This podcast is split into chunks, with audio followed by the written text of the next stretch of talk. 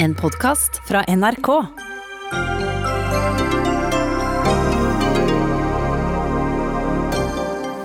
Nå skal Norge åpnes opp igjen etter åtte uker. Regjeringen presenterer planene for hvordan og når direkte i Dagsnytt 18. Men klarer skolene å holde åpne og samtidig overholde smittevernreglene, eller trenger de ikke det nå? Og hvis ikke de trenger det nå, hvorfor skulle de da holde stengt så lenge? Og også idretten skal få starte opp igjen, men eh, ikke alle på en gang, og sikkert ikke på vanlig måte heller. Og for første gang i historien så senket Norges Bank rentene til null. Men hvem kommer det til å hjelpe egentlig?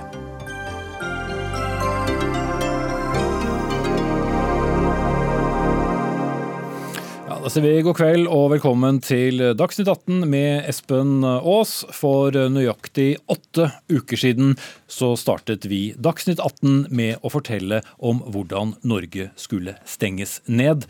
Nå skal vi høre om hvordan landet åpnes opp igjen. I dette øyeblikk går statsministeren og fem statsråder på talerstolen i Marmorhallen i Klima- og miljødepartementet.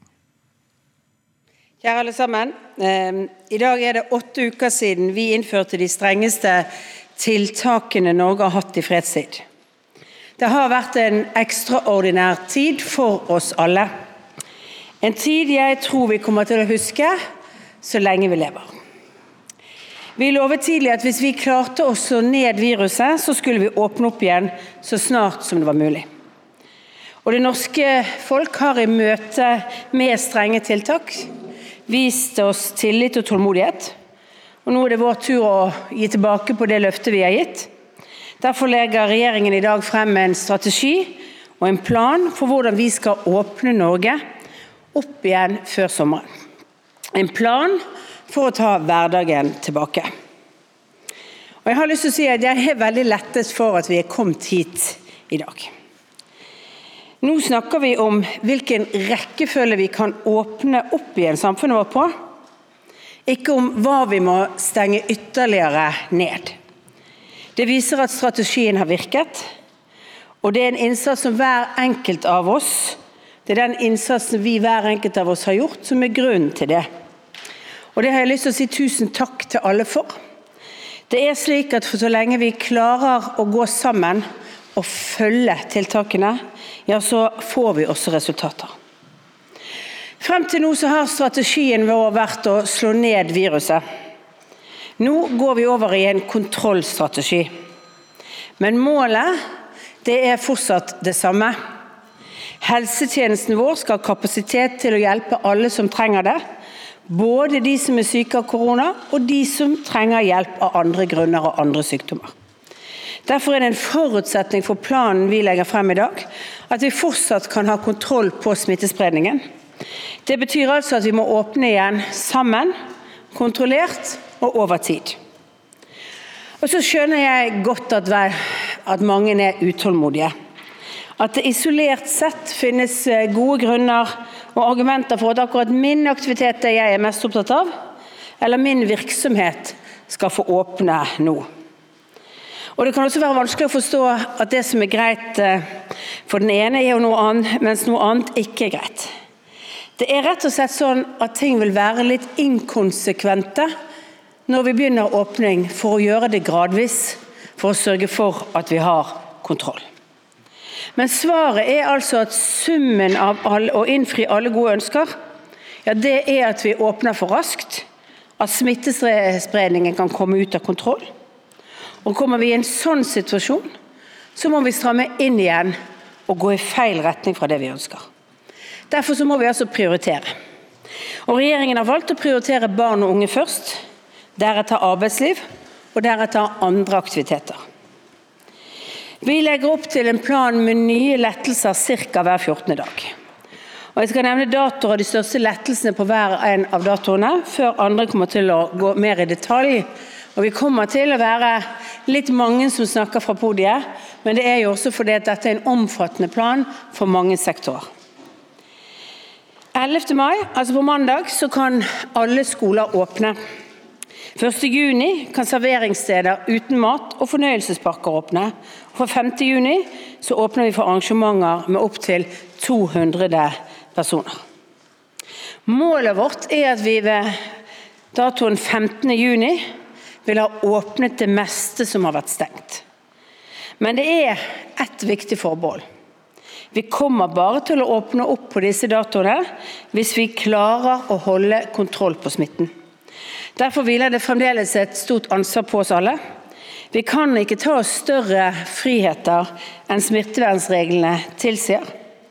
I en lang tid fremover må vi fortsette å holde minst én meters avstand, holde oss hjemme når vi er syke, vaske hendene. Dette er de enkleste, mest virkningsfulle og egentlig de minst inngripende tiltakene som kan gi oss hverdagen tilbake. Og så får vi heller klemme godt på de vi har lov til å klemme på, og la være å klemme på alle andre. Så vet jeg at mange lurer på hvordan sommeren blir. Vi har sagt at vi må forberede oss på norgesferie. Nye råd for ferie- og fritidsreiser kommer 15. mai. Men når det gjelder reiser utenlands, så er svaret at det vet vi ikke ennå. Dette er ikke noe Norge kan gjøre alene. Det avhenger av smitteutviklingen, men også åpningen i andre land. Dette er noe vi må gjøre sammen med andre land. Vi jobber med saken, men det er for tidlig å gi en dato på både når vi kan hente folk til Norge, og når vi kan reise ut av Norge igjen uten å bli satt i karantene når vi kommer tilbake og eh, med de selvfølgelig belastningene det oppleves være. Og Før jeg gir ordet til Bent, så vil jeg si det. Vi har altså vært flinke i Norge til å bidra i dugnaden. Det er på den måten vi har unngått eh, krise i helsetjenesten. Men jeg vet at når vi begynner å lette opp, så er det lett for å tenke at nå kan vi gjøre litt mer av også de tingene som er tettere mellom oss. Men vi må handle i solidaritet med alle de som er rammet av den økonomiske krisen. Derfor så ber jeg alle om å fortsette den nasjonale dugnaden. Holde den avstanden vi har lagt opp til. Fortsette å holde smitten nede, sånn at vi får folk tilbake i jobb, kan ta hverdagen tilbake. Og ikke minst så tror jeg at det er viktig å si vi kan klare dette sammen. Så da gir jeg ordet til deg, Bent. Takk for det. Og Vi har altså nå lagd en egen strategi og plan for hvordan vi skal leve med viruset og samtidig beholde kontrollen over smittespredningen. Vi må leve virus, med viruset mens vi sammen med resten av verden finner fram til bedre behandlingsmetoder, mer kunnskap og mulig vaksine. Dette tror vi nå vil ta ett til to år. I april råda derfor Verdens helseorganisasjon medlemslandene til å lage langsiktige planer for hvordan vi skal leve med koronaviruset over tid. Deres forslag til planer stemte godt med hvordan Norge allerede hadde jobba og planlagt. For å forberede og håndtere konsekvensene av koronaviruset tok vi jo i bruk de beredskapsplanene vi har for å bekjempe smittsomme sykdommer og pandemier. Nå må vi legge videre planer som fortsatt ivaretar innbyggernes helse, som reduserer forstyrrelsen i samfunnet og beskytter økonomien vår.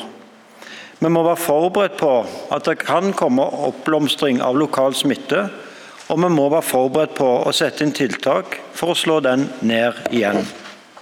Vi må se for oss hva som kan komme, og reagere raskt hvis det kommer. Derfor ser vi for oss tre scenarioer. Scenario 1, som er det vi planlegger for, går ut på at vi beholder og har kontrollen over smittespredningen, sånn at vi har nok intensivkapasitet og kan tilby gode helse- og omsorgstjenester til alle som trenger det. Scenario 2 omhandler en situasjon der vi får en kraftig økning i antall syke, sånn at vi ikke makter å tilby gode helse- og omsorgstjenester til alle som trenger det, og at det blir mangel på intensivplasser.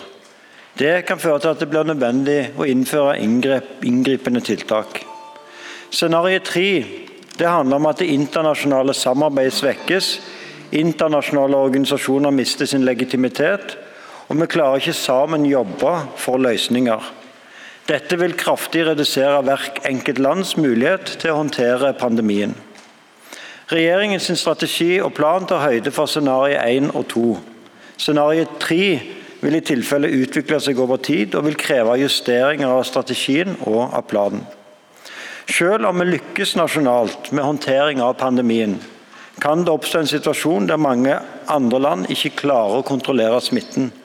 Det vil òg få konsekvenser for oss her hjemme, spesielt på økonomi og ledighet. Planen som vi legger fram i dag, inneholder en beskrivelse av de seks ulike typene tiltak som vi har brukt, og som vi kan bruke videre. Vi beskriver hvilke helsemessige risikovurderinger som gjøres, hvilke faktorer disse skal basere seg på, og ikke minst hvilke prinsipper vi bruker for å justere inngripende tiltak. Vi vil etablere, etablere bedre overvåking av smittespredningen og bygge opp ny kunnskap gjennom internasjonalt samarbeid.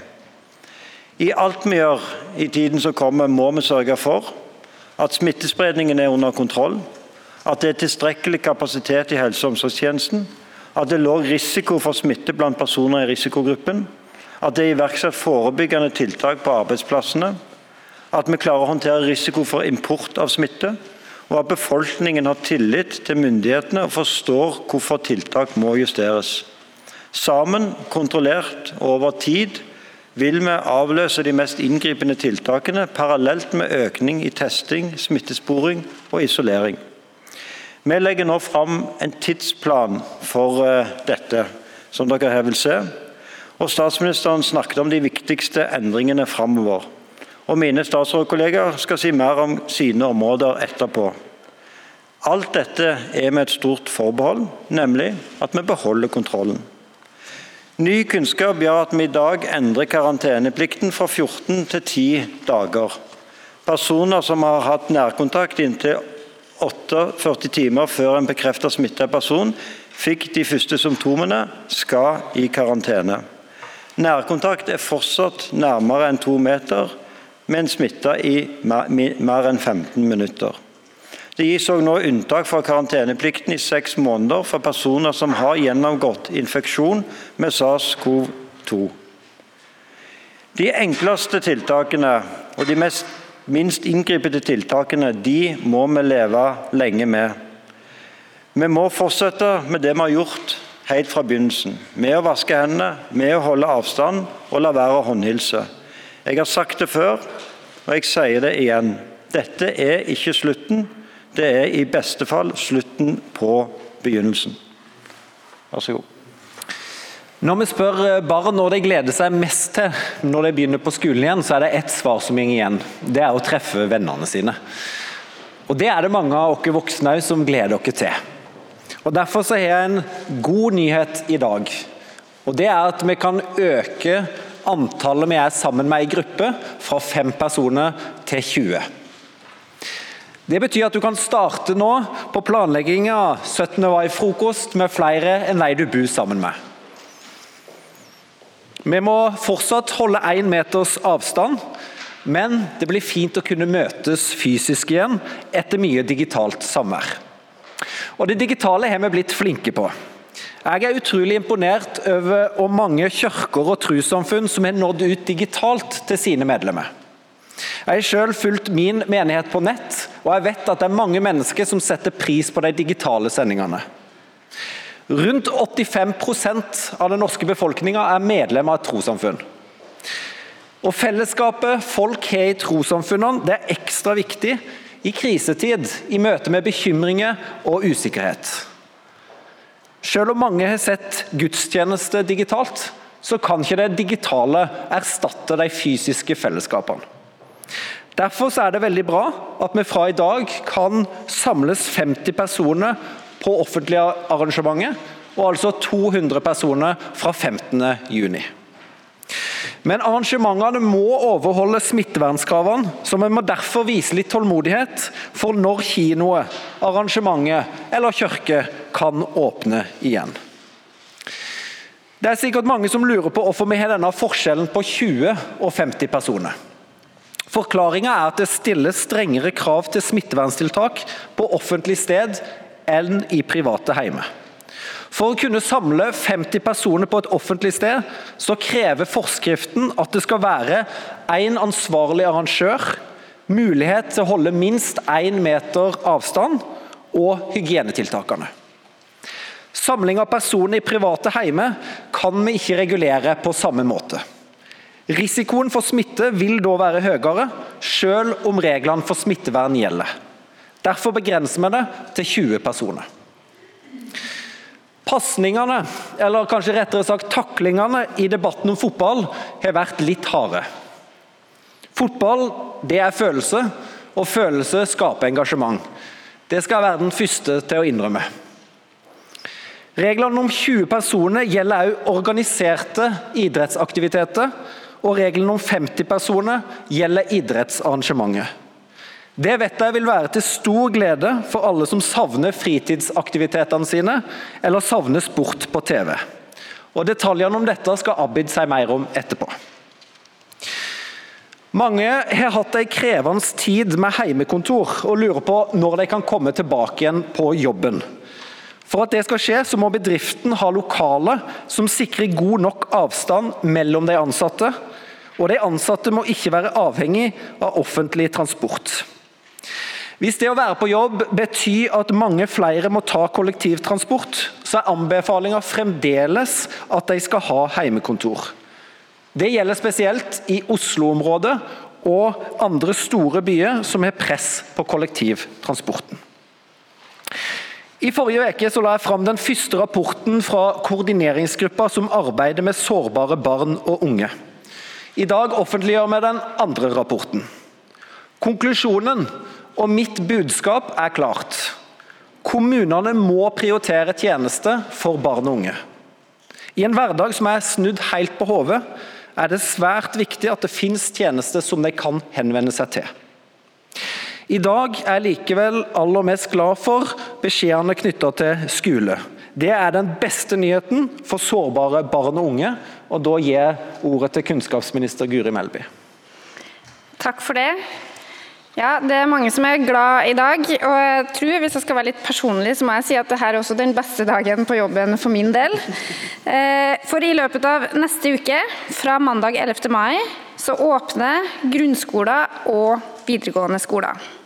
Også voksenopplæringa kan åpne i løpet av neste uke. Og Det samme gjelder kjøreskolene, hvis de følger smittevernkrav for én-til-én-virksomheter. Vi har fått klare anbefalinger fra helsemyndighetene om at elevene kan komme tilbake på skolen. Og I dag vil det også komme reviderte smittevernveiledere for både barnehager og skoler. Helt siden 7. april har vi varsla skolene om at de må forberede seg på åpning for alle elever. Noen skoler er klar for å åpne allerede mandag, men andre vil trenge mer tid. Det vil være opp til kommunene og skolene å finne ut når i løpet av neste uke de kan åpne. Og Den første uka kan det være skoler hvor ikke alle elever får tilbud om å være fysisk til stede, men alle skal få vite når de kan komme på skolen. Og Deretter skal elever på alle trinn få komme på skolen jevnlig og regelmessig hver uke. Noen skoler har få elever og god plass, og elevene har god avstand til skolen. Andre skoler har mange elever i trange lokaler. Skolene må organisere gjenåpninga best mulig ut ifra lokale forhold. Noen vil bruke andre lokaler, noen vil ha mer uteskole, og noen må bytte på hvilke elever som er til stede på skolen. Dette har vi tillit til at den enkelte skole og den enkelte kommune greier å finne gode løsninger på sjøl. Men elevene på første til fjerde trinn skal så langt det er mulig motta et fulltidstilbud på skolen, også når vi nå åpner for de eldre elevene. For noen av elevene så vil det nok være tungt å begynne på igjen etter å ha vært kobla av i noen uker. Og Selv om skolene åpner igjen, så vil skoledagen fortsatt være ganske annerledes. Og Samtidig så vet jeg at mange gleder seg det å komme tilbake til skolen det betyr mye for det faglige, men selvsagt også for å treffe venner, det å delta i et fellesskap og det å møte andre trygge voksne. Og Selv om dere som nå har vært hjemme i noen uker, har mista noen verdifulle skoletimer, så jeg er helt sikker på at alle har lært noen ting den tida her òg. Om virus, om smittevern, også om bruk av digitale verktøy. Og også om hvor viktig det er å tilhøre et fellesskap. Elever som avslutter sin skolegang i vår, de har en helt unik kompetanse på godt og vondt. Og Med det så takker jeg for oppmerksomheten, og så vil jeg gi ordet til forsknings- og høyere utdanningsminister Henrik Asheim.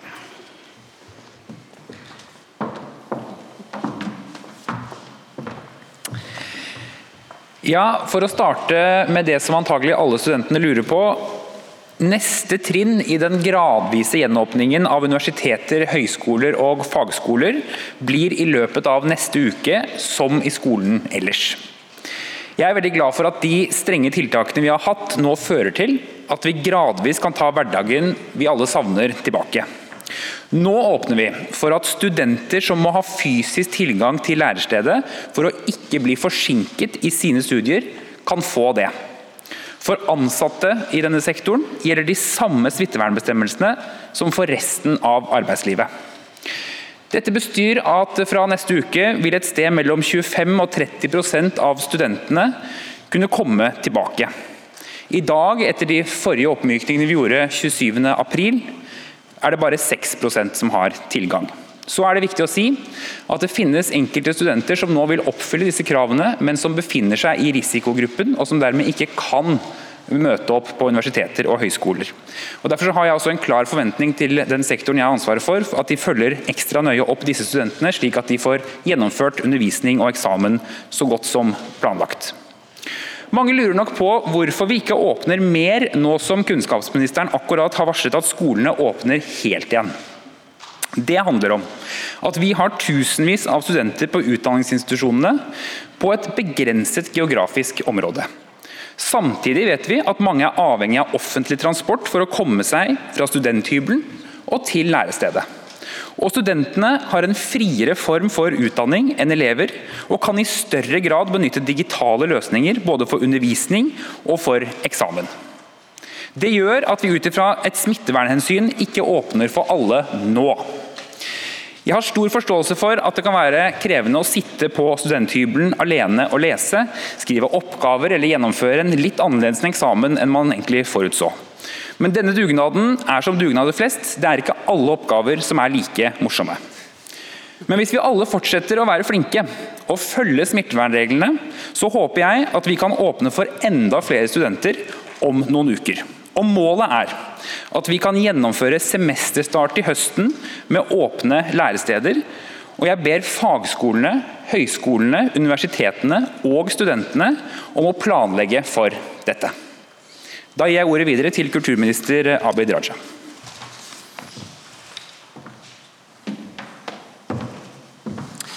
Takk for det. Jeg skal si noe om idrett og om 17. mai. Og For å ta idrett først.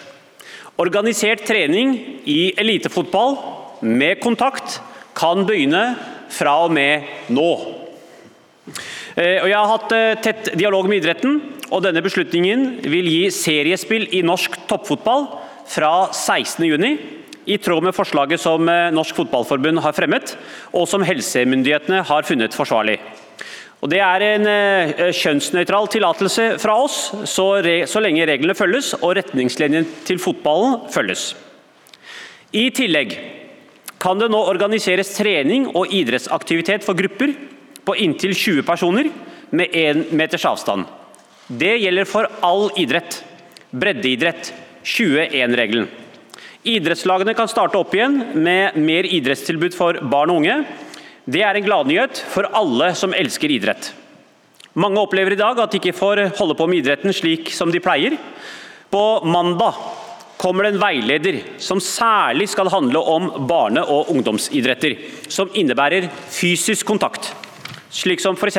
fotball, og håndball, slik eh, håndballpresidenten Geir, eh, Kåre Geir eh, tok opp med meg da jeg møtte han på tirsdag.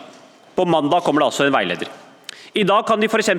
ikke spille kamper, men veilederen skal legge til rette for at de på en trygg måte kan drive med idretten sin på en litt mer normal måte enn i dag. Kanskje f.eks. spille kamp mot andre i treningsgruppa si. Det skal skje på en smittevernfaglig trygg måte. Hvordan det skal gjøres, kommer altså først i uka. Og det vil ikke bli likt for alle idretter. Det er f.eks. mer krevende for bryting enn det vil være for basketball. Og Her må også idretten lage kjøreregler som må passe for hver sin idrett. Og idrettshallene åpner igjen. Men for å redusere smitterisikoen vil det ikke være mulig å bruke garderobene. I tillegg kommer vi til å åpne for organisert svømming og skolesvømmeopplæring fra 1.6. Dette var veldig viktig for svømmepresidenten Cato Brattbakk da jeg møtte han på tirsdag. Godt å kunne levere på det. Det er jo også mange som trener på treningssentre. Vi jobber for å få åpnet disse 15.6, men, men det må skje etter helsemyndighetenes anbefalinger om forsvarlig smittetiltak. Det gjelder også badeland og svømmehaller. Det arbeidet pågår nå. Så til eh, endelige bestemmelser om nasjonaldagen, som veldig mange av oss ser frem til. Beklageligvis så tilsier smittesituasjonen at barnetogene slik vi kjenner dem, ikke kan gjennomføres. Det er vi veldig lei oss for. Men vi er allikevel glad for at korps og kor kan benyttes, så lenge det er mulig å holde tilstrekkelig avstand. To meter i lengde og én meter eh, skulder til skulder eh, har de anledning til å gå, og korpsene har ingen begrensning på antall mennesker som kan være med. Og så har jeg også gitt en liten økonomisk eh, glad løypemelding til korpsene i dag, og der er vi straks i mål med noe. Flaggheising, kransenedleggelse kan gjennomføres, men med et mindre antall tilskuere. Skoler og andre fellesarealer kan benyttes til mindre fellesarrangementer med maksimal antall på 50 deltakere, så lenge hygienereglene, avstandsreglene holdes og det er en ansvarlig arrangør. Vi anbefaler primært utendørs arrangementer. Matservering kan foregå under forutsetning av at det er tilgang på håndvask, eller eh, at vi har altså hånddesinfeksjon. Og De som da tenker at nå kan vi ha 17. mai-frokoster, så er det viktig å huske at det er 21-regelen som gjelder. Og slik Bent sier det så ofte, altså vi har vært så flinke nå, vi må bare fortsette å være litt flinke litt til. Også på 17. mai må vi være flinke til å overholde de enkle, men viktige smittevernreglene. Så god håndhygiene, hostehygiene og syke må holde seg hjemme. Og ikke minst det siste jeg skal si. Nå ser altså alle 17. mai-komiteene i hele Norge frem til at vi etter saluttene klokka 13 sammen som land skal synge Ja, vi elsker. Takk. Ja, og Da forlater vi eh, regjeringens eh, pressekonferanse her i Dagsnytt 18. Eh, det åpnes der nå for spørsmål fra mediene, og hvis du vil høre spørsmål fra journalistene, så er det mulighet for å gjøre det på NRK2. Men her på NRK1, NRK P2 og nrk.no skal vi nå snakke om noe av det vi har hørt. Og Jeg begynner med deg, Espen Rostrup Nakstad, assisterende helsedirektør. Landet skal åpnes så mye vi kan 15.6. Men vi går nå over i det statsministeren sier er en kontrollstrategi. Hva er forskjellen fra det som vi er i dag, som er en slå-ned-strategi? Nei, Å slå ned betyr jo da å slå ned på viruset mest mulig, sånn at du får så få syke personer som mulig i samfunnet. Og når du da klarer det, og det i prinsippet er veldig få som har denne sykdommen, da gjelder det å opprettholde kontrollen, at ikke det blusser opp igjen. Sånn at uh, en slå-ned-strategi er ikke en eliminasjonsstrategi, for det er veldig vanskelig sånn som det ser ut nå. Men det er en strategi om å få færrest mulig med aktiv sykdom i landet. fordi da er nemlig risikoen ved å åpne opp mye mindre enn hvis vi hadde hatt mange syke i samfunnet. Det var eh, et ord jeg ventet å høre som jeg ikke hørte, og det var smittebølge nummer to. Mm. Tror vi ikke det kommer noen smittebølge nummer to lenger? Det er eh, sånn at det eneste Det er to ting som kan gjøre at du får et oppbluss av smitte. og Så kan du si om det da blir en bølge, det er en definisjonssak, hvor mange det blir. Men det ene er eh, hvis eh, vi begynner å få mer kontakt med hverandre igjen og på en måte begynner å gå ut hjemmefra når vi er syke og den type ting, da vil smitten bre seg. Så det er liksom går på disse reglene som gjentas stadig på hver eneste pressekonferanse. Det andre er dette med importsmitte. Hvis vi begynner å få stor import av sykdomstilfeller fra utlandet, så kan det også være noe som gir omplomstring. Men vi tror nok at får vi en oppblomstring, så vil det skje lokalt. Altså vil se, man vil se da tydelig i en kommune ok, nå har det skjedd noe på denne skolen eller i dette miljøet eller i denne bydelen. Her er det økt smitte. Og så må man teste, isolere smitteoppsporet og sette i karantene nærkontakter, og så får man kontroll på det. Sånn at Det er en helt annen situasjon enn i tidlig mars, hvor vi ikke visste hvor smitten var. Må ta generelle strenge tiltak i hele landet for å få kontroll. Mm. Ja, Så vi har i hvert fall mer kontroll, uten at du ville sagt at mer kontroll, kontroll, men fortsatt mulighet for små oppbluss. Og vi kan ikke utelukke en bølge heller, for det er mye som er usikkert og som ikke vi kan styre i detalj. Vi har uh, hatt det dyreste eksperimentet nasjonen har sett nå i, i uh, åtte uker. Til uken åpner skolene. De åpner litt i rykk og napp, og det må være opp til lokale myndigheter å bestemme rekkefølgen.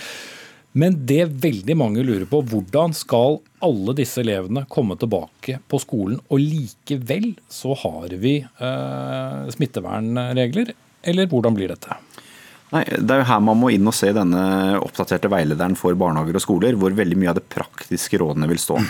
Og Det grunnleggende her er jo at man skal ha avstand til hverandre. Det er liksom det grunnleggende. Minst én meter. Og det gjelder jo for så vidt i klasserommet i barneskolen, det. Og også på videregående. Og så er det sånn at For de aller minste barna så er det vanskelig å ha kontroll på dem, også i barnehager. og Derfor så har man sagt at de eh, Man har innsett at der klarer vi ikke å holde en meter hele tiden, men derfor skal de være i enda mindre grupper. Så Det er det som står i disse veilederne. De skal være i små grupper, og det skal være de samme gruppene hele tiden. Mens for eldre barn på skolen så vil også det samme prinsippet gjelde, at de skal være i mest mulig faste grupper. Ikke sant? Fordi det følger jo den 21-regelen eh, som nå gjelder. Og så skal de ha avstand. Eh, og mange steder vil det være mulig å gjennomføre fordi du har areal til det. Noen steder vil det ikke være mulig. Og da kan, eh, må man lese denne veilederen i ulike råd og tiltak man kan da bruke. Det kan være mer uteskole. Det kan være å rotere, altså at man nødvendigvis ikke går på skolen fem dager i uka. Eller ikke har veldig lange dager nødvendigvis. Så her blir det opp til den enkelte skole å finne gode løsninger. Men uh, helsemyndighetene mente i utgangspunktet at ikke vi trengte å stenge skolene. Så valgte politikerne å gjøre det, og da lurer kanskje mange på hvorfor i all verden trenger vi da å overholde disse smittevernreglene hvis eh, skolene i utgangspunktet ikke var noe problem? Det er litt misforståelse dette der. fordi altså, Folkehelseinstituttet, som er en av eh, Egentlig så er helsemyndigheten i første omgang Helsedirektoratet, egentlig, men Folkehelseinstituttet er jo smittevernsfaglig myndighet. De sa at det er ikke kunnskapsgrunnlag for å si at stenging av skoler og barnehager eh, vil begrense smitte ved en pandemi.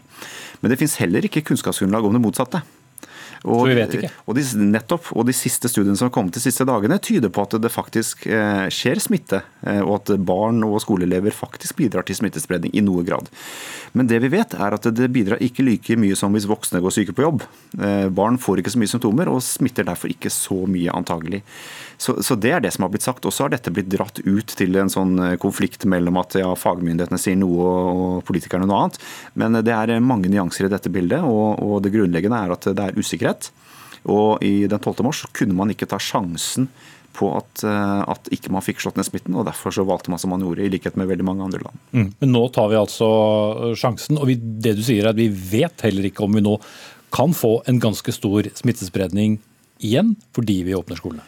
Nå tar vi en veldig mye mindre sjanse, og det er fordi nå har vi nesten ikke smittetilfeller i landet. Det er altså langt under 100, et femtitall som tester positivt hver dag, og vi vet hvem de er. Vi kan smittespore på en helt annen måte. sånn at eh, risikoen for at noen av disse elevene eller barnehagebarna drar med seg smitte inn i barnehagen, når de også har fått streng beskjed om ikke å komme på hvis de er syke, den risikoen er veldig, veldig mye mindre enn den var i mars. Og derfor skal man tillate seg da å åpne opp mer. Mm. Da sier vi takk til deg, Espen Rostrup Nakstad, assisterende helsedirektør. Og vi skal ha med et par kommentatorer. Jeg begynner med deg, Magnus Akvam, vår politiske kommentator. Hva har vært de vanskeligste avveiningene for regjeringen nå?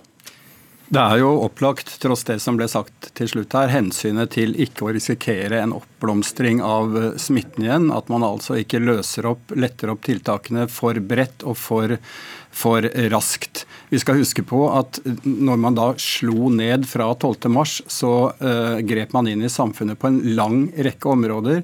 Og det er veldig vanskelig å definere hvilke av de enkelte tiltakene som førte til den kontrollen vi tross alt har endt opp med nå. og Dermed er det også vanskelig å vite hva det enkelte tiltak fører til på den andre siden. Så tror jeg i tillegg siden eh, hensynet til barn og, ungdom, skolesektoren, har vært det mest konfliktfylte og eh, omstridte. At vi når vi nå åpner, så er den sektoren opptatt av å si at det vil ikke være et fullverdig skoletilbud som eh, de større elevene nå får når vi åpner. Og Det er klart at det kan være et problem hvis forventningene eh, blir for store. Særlig for de elevene som er avgangselever. Det er ulike situasjoner i landet, og det kan være opplevd som urettferdig at noen får et bedre tilbud enn andre. Så Det er ett eksempel på, på, et dilemma, men selvfølgelig er hensynet til å få åpnet det viktigere enn å uh, holde tilbake elevene fra skolen. Mm. Eirin Eikefjord, politisk redaktør i Bergens eh, Tidende. Du har også fulgt uh, pressekonferansen. Uh, Bent Høie lånte ord fra Churchill og snakket om slutten på, på begynnelsen her. Men hvor klok ble du på hva som venter oss? Jeg synes Det viktigste som skjedde nå, var jo det at man får veldig konkrete datoer for denne gjenåpningen. Og Det tror jeg har en veldig viktig psykologisk effekt på folk òg. For det er jo denne uvissheten som tærer på. Og nå har vi jo gått i veldig lang tid uten å få noen signaler om når skolen endelig skal åpne. Mens de faglige rådene har jo vært at de burde ha åpna allerede rett etter påske. Så det virker gjennomtenkt i så måte. Og, og, det at en får sånne milepæler som gir tid, både tid til evaluering og, og kontroll, men òg kan gi folk en sånn forutsigbarhet rundt sin egen situasjon og sin egen eh, ferie, og ikke minst sin egen 17. mai-frokost, for det som er viktig for mange. Så, og så eh, står jo eh, regjeringen den samme spagaten som hele tiden, at de må både åpne opp landet, men òg kommunisere hvor viktig det er at en ikke bare slipper løs og glemmer de rådene vi har fått. Men jeg tror befolkningen er veldig godt oppdratt i smittevern nå, så det blir nok tatt eh, på alvor de fleste. Mm. Ja, for mange snakker om Det er jo utfordringen her. Er det trygt, er det ikke trygt? Og så er det et eller annet sånn midt imellom? Det er klart at eh, viktig, Et viktig hensyn da man slo så hardt ned, eh, var nok og i hvert fall ble effekten av det at når man gjorde det, så, så, ga man et signal om at dette er alvor, alle må passe på. Og Det er det dere nå også er litt inne på, at risikoen er der eh, for at man slapper for mye av. For det som har ført til denne kontrollen, er jo tross alt at man har gjennom skolestengning, gjennom hjemmekontor, stanset opp sirkulasjonen i samfunnet og den nære kontakten man har mellom mennesker eh, til vanlig. Så Det er selvfølgelig en risiko som, som, alle skjønner, men jeg er enig i at vi har blitt disiplinert eh, i, i veldig stor grad eh, gjennom disse åtte ukene. Mm. Som jeg var inne på tidligere i sendingen, eh, Eikefjord, dette har jo vært tidenes dyreste politiske beslutning som vi har gjort ved å, å stenge ned landet. Men dermed blir jo også spenningen og trykket ikke minst på regjeringen veldig stort for hvordan det vil utvikle seg i, i løpet av eh, de neste dagene. Og sånn sett så får jo regjeringen karakter for den innsatsen dersom smittetallene holder seg lave. Ja, absolutt. Men så er jeg jo enig i at det er jo en betydelig mindre risiko, eh, den gjenåpningen som, som skjer nå, enn den man eh, sto overfor tidligere. Fordi at en har erfaring fra åpning av både barnehager og barneskoler. En har smittetallene under kontroll. En har ganske god oversikt over altså, og innlagte. En har betydelig bedre testkapasitet. Så summen av alt gjør jo at en, en har betydelig bedre oversikt over situasjonen. Mm. Erin Eikefjord, politisk redaktør i Bergens Tidende og politisk kommentator her i NRK, Magnus Takvam. Takk skal dere ha. Vi slipper dog ikke gjenåpningen av Norge helt.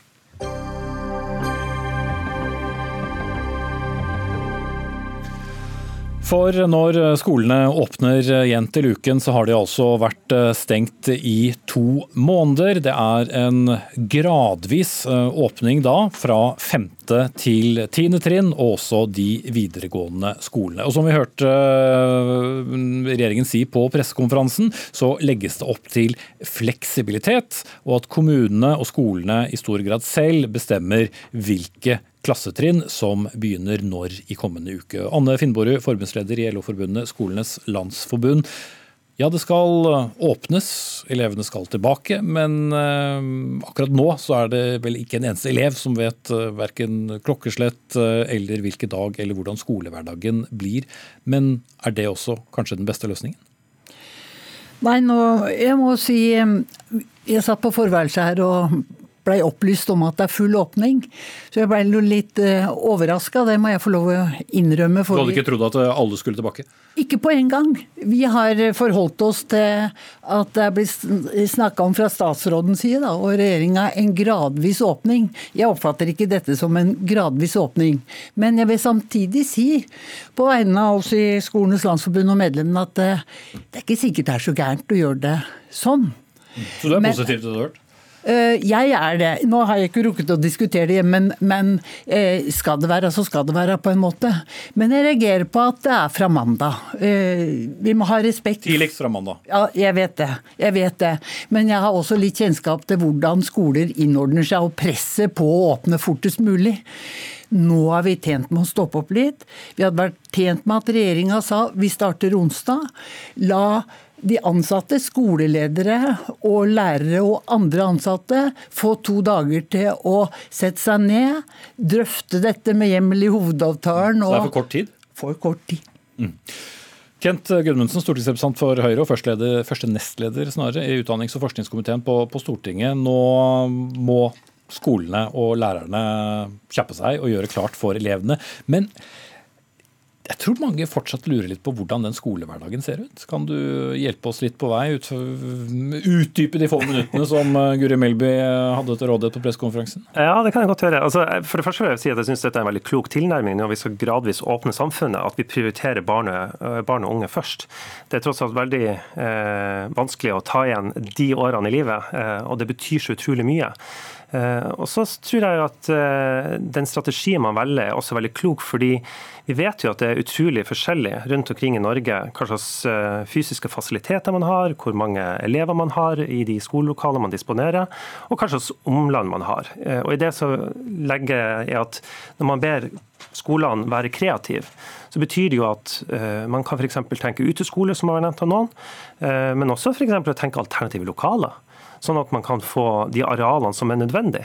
For Det viktigste her, og som vi må huske, er at vi må komme i gang, sånn at de ungene som nå henger etter, og som kanskje ikke har fått den oppfølginga som eh, vi har hørt andre få, så, så, er det nødvendig at vi kommer raskt i gang. Men, men kan skolene f.eks. si eh, til neste uke så må femte og sjette klasse de får eh, komme på mandag, onsdag, fredag, og så får sjuende og første til fjerde f.eks.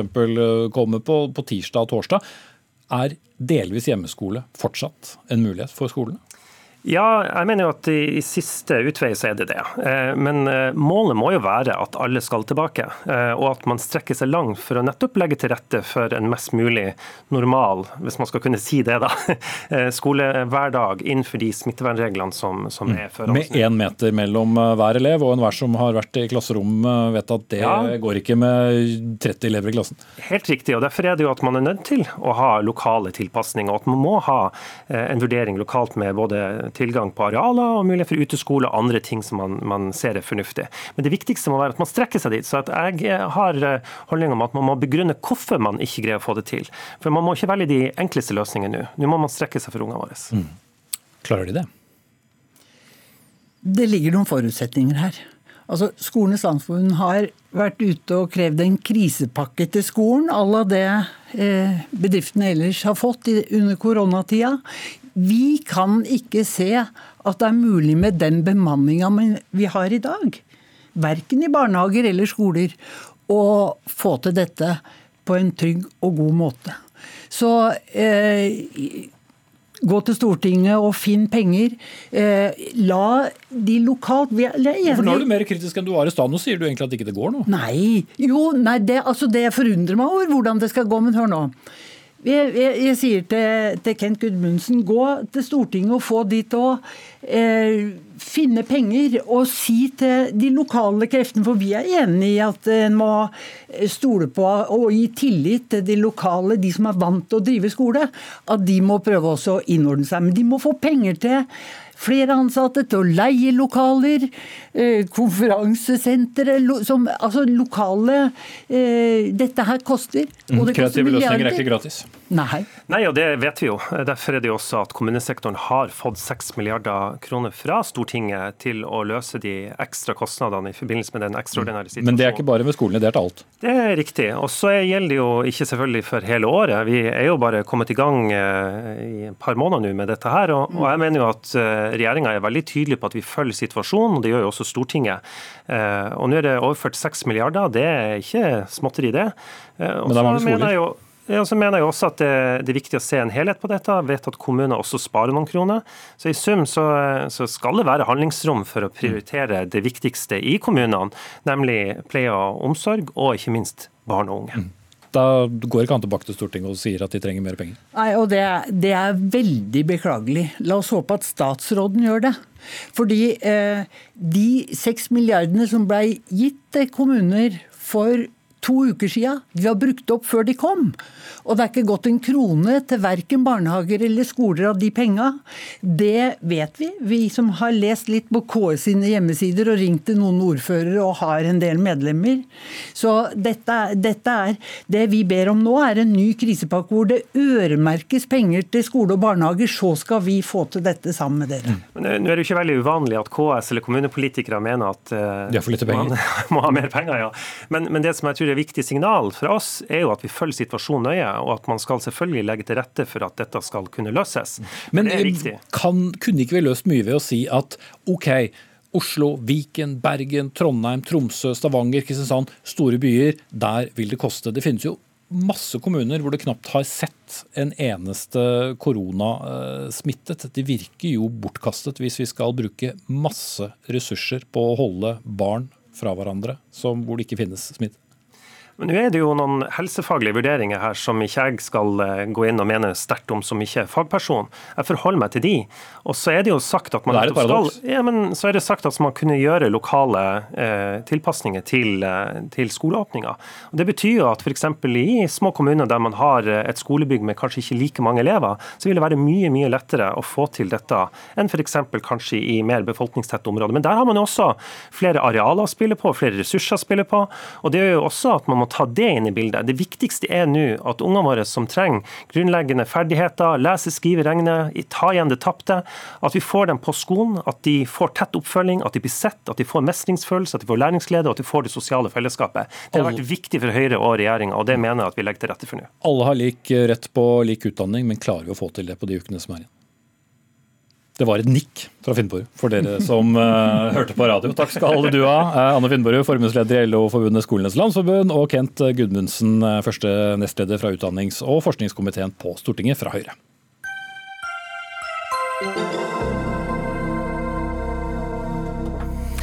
Det var eh, korte presentasjoner og kort, eh, kortere mellom anekdotene enn det er eh, mellom oss som skal leve i, i samfunnet. Men noe som veldig mange er opptatt av, selvfølgelig, er hva som skjer med idretten. Enten det er profesjonell idrett eller lokal idrett. Idretten skal sakte, men sikkert vende tilbake til de normale, men med sine begrensninger. Trond Giske, stortingsrepresentant fra Arbeiderpartiet. Er det den beskjeden du ville ha, du fikk høre? Ja, jeg syns egentlig det. Jeg satt jo i det her samme studioet for to dager siden eh, og møtte Bent Høie, som hadde kalt meg en fotballbølle fordi at jeg ville åpne for toppfotball fra juni. Og to dager etterpå står regjeringa og sier at nå blir det toppfotball fra juni, så jeg må jo si meg fornøyd. Eh, Jeg syns også det er fornuftig at man lager regler for ulike idretter, og prøver nå å slippe litt mer eh, løs. Jeg aksepterer at man må ha kontroll på smitte. Og at man gjør akkurat det som Arbeiderpartiet har ment, gå i dialog med ulike særforbund og finne praktiske eh, regler. Jeg skulle ønska meg litt mer nyheter på breddeidretten. Eh, dette med at eh, alle dugnadspenger og pølsesalgspenger og alt dette har forsvunnet. De sliter og trenger hjelp. Og jeg håper jo også at hvis det viser seg at barn smitter mindre enn andre, at eh, de minste ungene etter hvert kan få litt mer mulighet til å spille fotball og drive med idrett eh, både inne og ute. Men igjen, smittevernsfaglige råd må telle. Og jeg er glad for at regjeringa nå har snudd på det med toppfotballen. Det er 3000 arbeidsplasser. Masse glede i befolkninga. Eh, Så sjøl hvor fristende det er å si hva var det jeg sa, så skal vi glede oss og gratulere ikke minst Fotballforbundet, som har gjort en strålende jobb. Fikk med seg helsemyndighetene, og nå også regjeringa. Du klarte vel egentlig å si det likevel. Eh, Tage, Tage Pettersen, eh, stortingsrepresentant og medlemmet politisk statsperson fra Høyre. Du er med oss på linje fra eh, Moss. Eh, men vi vil jo ha litt eh, detaljer. Altså, er det sånn at det er de dyreste idrettene som eh, skal prioriteres først? Aller først har jeg lyst til å si at Det er hyggelig at Trond Giske er fornøyd med det som ble presentert i dag. for Det har jo vært noen taklinger de siste dagene som kanskje har vært i overkant om de hadde funnet sted ut på, på gressmatta. Jeg tror jo eh, ikke at det er eh, toppen som kommer. Altså, det er jo signalisert i dag at fotballen eh, på topp skal få lov å starte seriespillet sitt som de har bedt om i, i midten av juni. Når det gjelder bredden, så tror jeg det mest interessante i dag er den veilederen som er varslet til, til mandag, hvor man skulle komme med, med, med anbefalinger i forhold til ulike idretter med kontakt, som jo er det viktigste for, for, bredden, for at de også kan få lov å sette i gang aktiviteter for, for, for, barn og unge. Men jeg tror idretten er veldig fornøyd med det som er presentert av fremdriftsplanen i, i dag. Mhm. Men Trond Giske, det er et pengevakuum, eh, og det var det som du eh, sa i stad etter å overrasket eh, Tage Pettersen var fornøyd? Ja, altså Det som vi nå kan senke skuldrene litt på, er at toppfotballklubbene sannsynligvis vil trenge litt mindre hjelp enn før. De har nok også fortsatt et tap, men nå får de eh, TV-rettigheter, de får en del sponsorinntekter, de kommer i gang. Og alle arbeidsplasser som kan stå på egne ben, må jo være veldig bra. Eh, for vi har altså 11 000 lag og foreninger ut i landet som har mista enormt mye dugnadspenger. Og Det vil jo være veldig alvorlig, ikke bare at man må eh, holde aktiviteten nede når det er smittefare, men hvis lagene ligger med brukket rygg etter krisa, så vil jo det ha et enormt folkehelseperspektiv ved seg også. Sånn at eh, vi må lage en pakke på Stortinget som hjelper frivilligheten. Vi har jo foreslått at man ga eh, mye mer i momskompensasjon, hvert én måte å gjøre det på. Eh, men de trenger hjelp. Og så skal de få lov å drive med aktivitet og spille ball og idrettsaktivitet så langt som mulig. Men igjen, smittevernfaglige råd må gå først, og vi gjør det gradvis. Men eh, toppfotballen det var en unødvendig krangel den siste uka. Eh, fotballen burde vært møtt med litt mer åpenhet fra starten av, men når det nå er vunnet fram, så skal vi glede oss over det. Pettersen.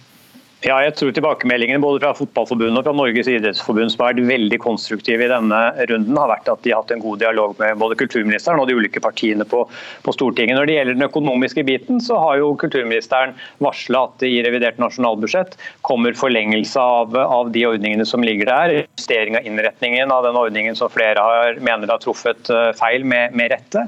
Og også eh, levering på bestillingen fra Stortinget om at kontantstøtteordningen også skal på en eller annen måte rette rettes inn mot, eh, mot eh, bedrifter eh, og virksomheter som ikke har skatte, skatteplikt. og Det vil jo treffe en god del av idretten. Og så er det også verdt å si det at TV-rettighetene til fotballen alene representerer nok mye mer enn veldig mange krisepakker kan levere. Så i sum tror jeg at dette skal komme forhåpentligvis godt ut før, før sommeren. Jeg får avslutte med å sitere pave Johannes Paul 2. Da. Av alle uviktige ting i verden er fotball den viktigste. Det ble bevist igjen.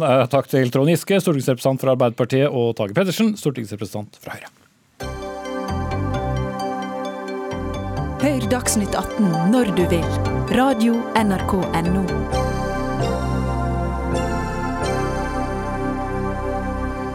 Og da setter vi et eh, foreløpig punktum for gjenåpningen av Norge, for det har skjedd mer i dag også. Ja, vi skrev bl.a. Eh, et lite stykke finanshistorie klokken ti, da sentralbanken senket styringsrenten til null.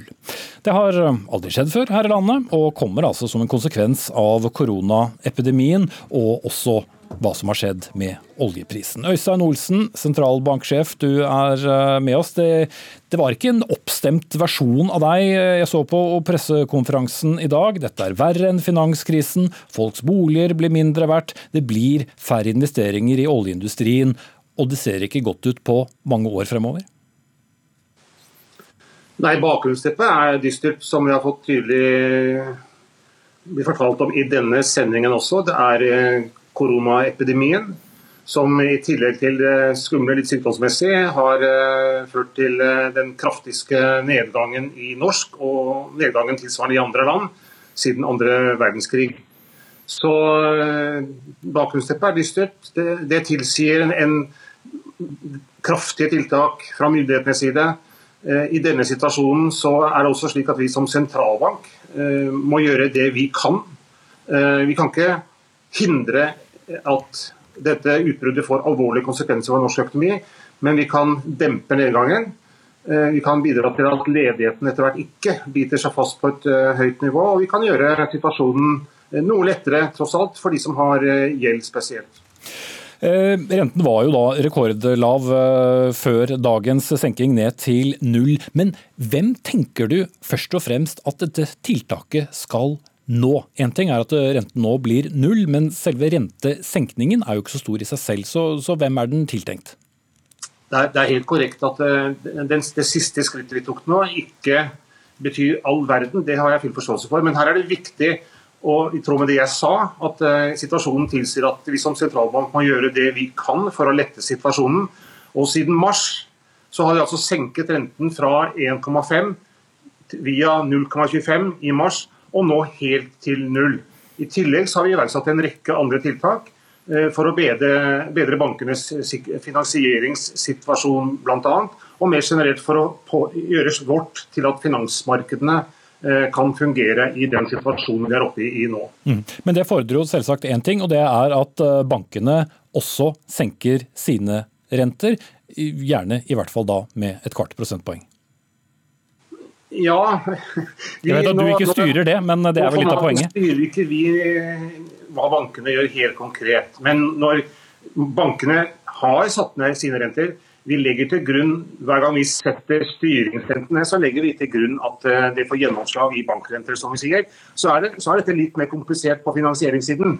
Eh, og uro, høye påslag eller premier i finansieringsmarkedene har en stund nå ført til at bankenes finansieringskostnader har vært høyere enn normalt. Nå har disse påslagne premiene kommet ned. Og, og, nå er det grunn til å tro, og vi hører og ser og leser allerede i dag, at eh, bankene enten har satt ned renter, eller har varslet at de vil sette ned sine renter. Takk skal du ha, sentralbanksjef Øystein Olsen. Cecilie Lange Becker, økonomikommentator her i eh, NRK.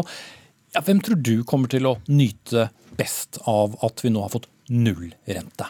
Eller i hvert fall, altså Vi har ikke fått det, men styringsretten styringsrenten er nede på null. Det er jo alle de som har lån, og det er jo litt av poenget her også. Både privatpersoner og også selvfølgelig bedrifter, som man kanskje ikke snakker så mye om. Eh, for de som beholder jobben, så betyr det jo større rom i privatøkonomien til å bruke penger på andre ting, som jo bidrar til å stimulere norsk økonomi. For dem som er permittert, eh, har mistet jobben, har redusert inntekten sin, da, har man jo større sannsynlighet for å klare å betale renter og avdrag på lånet sitt og beholde da hus og hjem. Og for bedrifter så betyr det jo kanskje at man eh, overlever og ikke går konkurs kurs. Og for lønnsomme bedrifter så gir jo dette her eh, muligheter til å gjøre billigere altså billigere å gjøre investeringer og skape nye eh, arbeidsplasser. Men det skaper jo også kanskje noen fordelingseffekter. De som har trygge jobber, de kan jo nå f.eks. Eh, enda billigere å låne penger, kanskje man kan kjøpe seg opp i boligmarkedet. Man ser jo at de som tar støyten i denne koronakrisen, det er de med lav inntekt, det er fra husholdninger med dårlig økonomi, sånn at forskjellene øker. Og det bidrar jo også disse rentekuttene rentekuttene litt til. Mm. Men som eh, jeg snakket med sentralbanksjefen om, det fordrer jo at bankene følger etter. Og Da det store rentekuttet kom i mars, så så vi at de største bankene de senket ikke rentene så mye. De ble presset ganske lenge før, ja, særlig da DNB og Nordea som fikk det største presset, før de valgte å gjøre det. Hva tror du skjer nå? Jeg tror nok at de føler veldig på dette presset nå. og det er som sentralbanksjefen selvfølgelig sier helt riktig, at disse pengemarkedsrentene, der hvor bankene låner uh, sine penger som de igjen låner ut til oss, de har jo kommet veldig mye ned. sånn at uh, nå har man ikke like god grunn til å si at man holder igjen. og Vi ser jo at uh, bankene de tar altså større og større marginer nå. Dvs. Si de tjener mer og mer penger på hvert eneste boliglån. sånn at det er mange som mener nå at de bør virkelig nå være med på denne rentedugnaden fremover og kutte rentene sine ganske ganske raskt og eh, like mye som Norges Bank nå gjør. Mm. Superkort eh, til slutt. Det som iallfall ikke lønner seg, er å ha innskudd i banken. Nei, Nå er det jo omtrent sånn at man snart må betale for å ha penger i banken. Og det er jo, dersom man har penger til over, så er det jo vanskelig å finne gode måter å plassere disse pengene eh, på. Eh, verken i banken eller i f.eks. rentepapirer. Eh, og det er jo kanskje en av grunnene til at aksjemarkedene også holder seg såpass sterkt, fordi det er en plassering du i hvert fall har en, en oppside på. Mm. Det er billigere å ha dem i madrassen, men det er langt mer utrygt. Takk skal du ha, Cecilie Langum Becker. Anne Katrine Førli var ansvarlig for denne sendingen. Hanne Lunås hadde tekniske ansvaret. Jeg heter Espen Aas. Mer fra pressekonferansen og andre store nyheter i dag følger i Dagsrevyen på NRK1.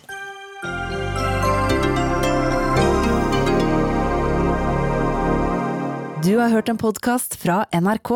Hør flere podkaster og din NRK-kanal i appen NRK Radio.